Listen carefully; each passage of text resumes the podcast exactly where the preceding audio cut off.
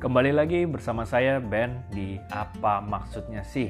Kalian bisa follow Instagram saya di Apa Maksudnya Sih untuk melihat berita-berita perkembangan dunia setiap harinya.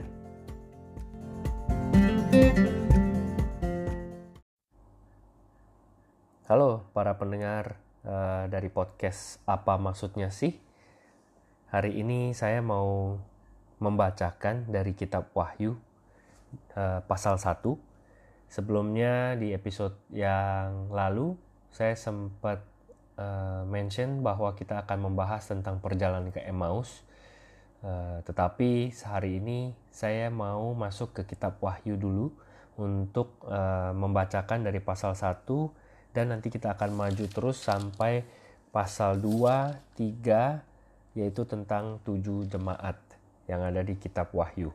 Lalu setelah itu baru saya akan uh, lakukan perjalanan Emmaus sesuai dengan uh, janji saya yang akan membahas tentang topik itu di episode yang lalu. Oke, tanpa berpanjang lebar, saya mau bacakan aja langsung dari kitab Wahyu. Uh, silakan teman-teman kalau uh, bisa siapkan Alkitabnya, kita sama-sama mau baca kitab Wahyu uh, lewat terjemahan baru ya bahasa Indonesia. Di situ kita akan bahas per ayat. Oke, jadi saya akan mulai di pasal 1 ayat 1.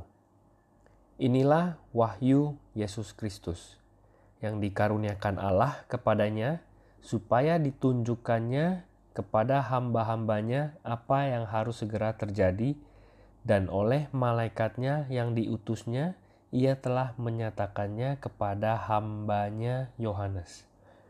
Nah, jadi di ayat yang pertama ini kita baca di situ bahasa Indonesia terlalu banyak uh, nya di situ. Sehingga kita uh, bisa cenderung terlewati uh, sebenarnya urutannya seperti apa ya. Jadi saya akan bacakan sekali lagi supaya kita benar-benar mendapat gambaran tentang apa yang sedang dikatakan oleh Yohanes uh, di kitab Wahyu ini. Jadi dimulai dikatakan inilah Wahyu Yesus Kristus yang dikaruniakan Allah kepadanya. Artinya Bapa Allah mengaruniakan wahyu ini kepada Yesus Kristus supaya ditunjukkannya kepada hamba-hambanya. Jadi dari Yesus Kristus akan ditunjukkan ke hamba-hambanya apa yang harus segera terjadi. Ya, dan oleh malaikatnya yang diutusnya. Jadi Tuhan Yesus mengutus malaikatnya. Ya, di situ ditulis malaikatnya yang diutusnya ia telah menyatakannya kepada hambanya Yohanes. Jadi dari malaikat disampaikan ke Yohanes. Lalu kita masuk ayat kedua. Yohanes telah bersaksi tentang firman Allah dan tentang kesaksian yang diberikan oleh Yesus Kristus, yaitu segala sesuatu yang telah dilihatnya. Ayat ketiga, berbahagialah ia yang membacakan dan mereka yang mendengarkan kata-kata nubuat ini dan yang menuruti apa yang ada tertulis di dalamnya sebab waktunya sudah dekat. Ya, itu judul dari ayat 1 sampai ayat 3. Oke. Jadi di sini disampaikan bahwa Yohanes yang bersaksi tentang firman Allah. Uh, sedikit latar belakang tentang kitab Wahyu ini. Uh, Yohanes sebagai murid yang paling muda dari uh, Tuhan Yesus dari 12 murid tersebut Uh, dia sedang diasingkan di Pulau Patmos dan di saat ini umurnya sudah cukup tua, di umur 90-an. Lalu dia mendapatkan penglihatan seperti ini, makanya dia tulis kitab Wahyu. Ya. Dan di ayat ketiga itu menjadi satu-satunya kitab di Alkitab yang menjanjikan uh, berbahagialah ya, menjanjikan berkat kepada orang yang membacakan dan mereka yang mendengarkan kata-kata nubuat ini dan yang menuruti apa yang tertulis di dalamnya. Ya, sebab waktunya sudah dekat. Jadi ada tiga kata kerja yang kita uh, harus ingat bahwa uh, harus ada yang membacakan, lalu ada yang mendengarkan, dan setelah ada yang membacakan dan mendengarkan, kita sama-sama menuruti, melakukan ya apa yang tertulis di dalamnya. Gitu. Menjaganya dalam bahasa Inggrisnya guard what is written in it for the time is near. Jadi waktunya memang sudah dekat. Lalu kita masuk ke ayat keempat. yaitu judul kecilnya Salam kepada ketujuh jemaat. Dari Yohanes kepada ketujuh jemaat yang di Asia Kecil. Kasih karunia dan damai sejahtera menyertai kamu. Dari dia, yang ada dan yang sudah ada dan yang akan datang, dan dari ketujuh roh yang ada di hadapan tahtanya, dan dari Yesus Kristus, saksi yang setia, yang pertama bangkit dari antara orang mati, dan yang berkuasa atas raja-raja bumi ini. Bagi dia, Tuhan Yesus ya, yang mengasihi kita dan yang telah melepaskan kita dari dosa kita oleh darahnya, dan yang telah membuat kita menjadi sebuah kerajaan, menjadi imam-imam bagi Allah, Bapaknya, bagi dialah kemuliaan dan kuasa sampai selama-lamanya. Amin. Ya, jadi dari Yohanes mau disampaikan ke tujuh jemaat di Asia Kecil. Di situ dijelaskan juga tentang uh, Yesus Kristus ya, yang pertama bangkit di antara orang mati. Lalu di situ juga dikatakan bahwa telah membuat kita menjadi sebuah kerajaan, menjadi imam-imam Nah, jadi ini menggambarkan ke depannya uh, kita akan mengemban posisi seperti ini ya di sebuah kerajaan dan menjadi imam-imam ya. Lihatlah ia datang dengan awan-awan dan setiap mata akan melihat dia. Juga mereka yang telah menikam dia dan semua bangsa di bumi akan meratapi dia. Ya amin. Di ayat ketujuh ini dengan jelas menggambarkan kedatangan Tuhan Yesus yang kedua kalinya. Karena ia akan datang dengan awan-awan dan setiap mata akan melihat dia.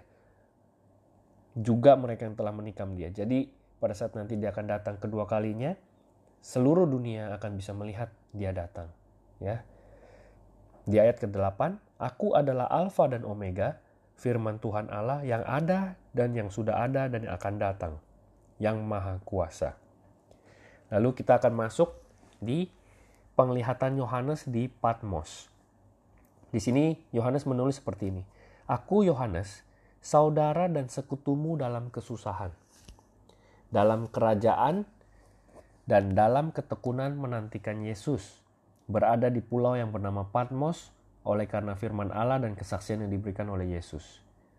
Ya, jadi posisinya ada di pulau Patmos. Yohanes eh, menggambarkan statusnya sesama murid Yesus, sesama pengikut Tuhan Yesus, kita adalah saudara dan kita sekutu di dalam kesusahan ya dan bahkan dalam kerajaan dan mentekun menantikan Yesus jadi sudah sesuatu yang pasti siapa pun yang menjadi murid Yesus itu kita bertekun dalam menantikan Yesus ya. Nah di ayat ke-10 pada hari Tuhan aku dikuasai oleh roh. Hari Tuhan itu mengat, uh, mengatakan tentang akhir zaman Ya, jadi dia dikuasai oleh Roh Yohanes masuk ke dalam timeline timeline pada hari Tuhan. Dan aku mendengar dari belakangku suatu suara yang nyaring seperti bunyi sangkakala. Katanya, "Apa yang kau lihat tuliskanlah di dalam sebuah kitab dan kirimkanlah kepada ketujuh jemaat ini." Ke Efesus, Smyrna, Pergamus, ke Tiatira, Sardis, Philadelphia, dan ke Laodikia. Jadi, Eh, Yohanes dikuasai oleh roh, dia masuk ke dalam timeline yaitu end times, akhir zaman pada hari Tuhan. Di situ di, dikatakan perintahnya adalah apa yang dilihat, ditulis, disampaikan ke tujuh jemaat. Ya. Lalu ada nama beberapa jemaat ketujuh jemaat itu yaitu Efesus, Smyrna, Pergamus, Tiatira, Sardis, Philadelphia, dan Laodikia. Ya. Nah, apakah di akhir zaman, kalau kita percaya sekarang ini adalah akhir zaman, artinya Yohanes dikasih penglihatan dan tentang apa yang sedang terjadi di eh, masa-masa ini. Lalu pertanyaannya adalah, apakah ada gereja yang bernama Efesus, Mirna, Pergamus, Tiatira, Sardis, Philadelphia, Laodikia di zaman ini? Tentunya tidak. Tetapi dia menulis itu karena berdasarkan pengetahuan yang dia punya di saat itu dan dia menggambarkan itu sesuai dengan gereja yang ada di masa itu dengan karakteristik yang mirip ya dengan apa yang sedang terjadi di akhir-akhir zaman ini. Jadi pada dasarnya itu yang mau ditulis oleh Yohanes dan mau disampaikan kepada tujuh jemaat.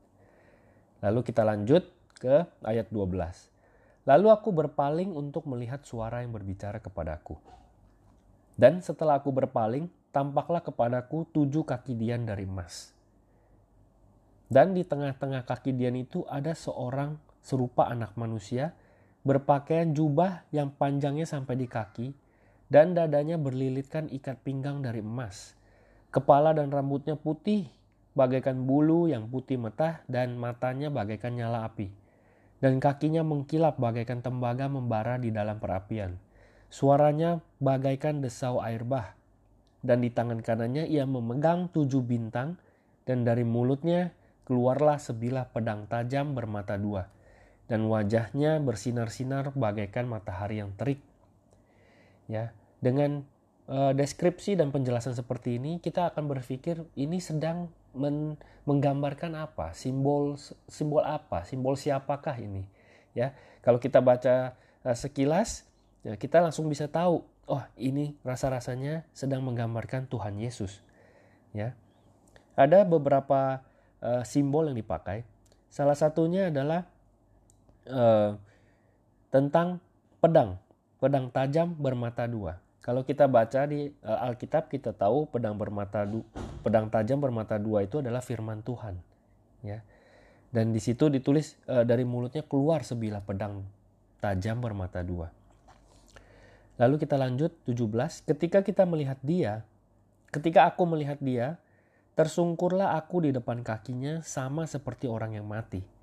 Tetapi ia meletakkan tangan kanannya di atasku, lalu berkata, "Jangan takut, aku adalah yang awal dan yang akhir." Nah, di sinilah kita menjadi semakin yakin bahwa, oh iya, betul, ini adalah Tuhan Yesus. Karena juga kita pada saat kita membaca Alkitab, sering kali Tuhan Yesus berkata kepada murid-muridnya, jangan takut ketika uh, murid-muridnya mengira itu adalah uh, setan atau apa pun itu, ya pada saat di badai pun mereka juga merasa takut, tapi Tuhan Yesus selalu bilang, jangan takut. Lalu di situ ditulis, aku adalah yang awal dan yang akhir. Dan yang hidup, aku telah mati, namun lihatlah, aku hidup sampai selama-lamanya. Dan aku memegang segala kunci maut dan kerajaan maut.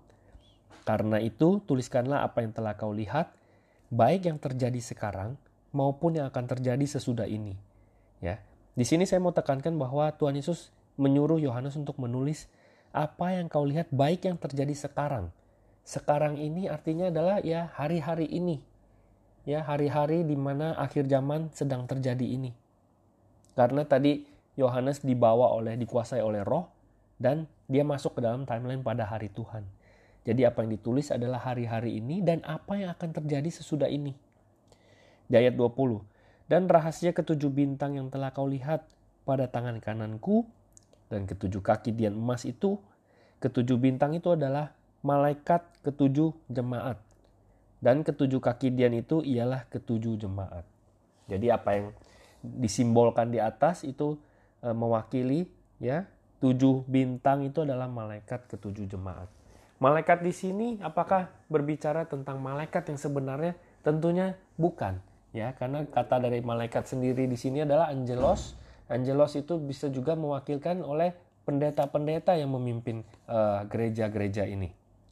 Ya.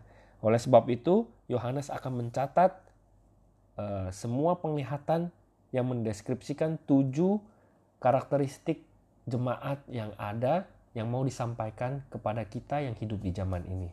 Kita akan lanjut lagi nanti di chapter yang kedua yaitu kepada jemaat di Efesus. Ya, saya akan maju satu persatu uh, per episode saja biar tidak terlalu panjang. Jadi ke depannya next chapter adalah tentang jemaat di Efesus. Oke, okay? thank you untuk para pendengar yang sudah mendengarkan kali ini. Uh, di kita akan sambung lagi di episode yang berikutnya. Thank you and bye bye. God bless you all.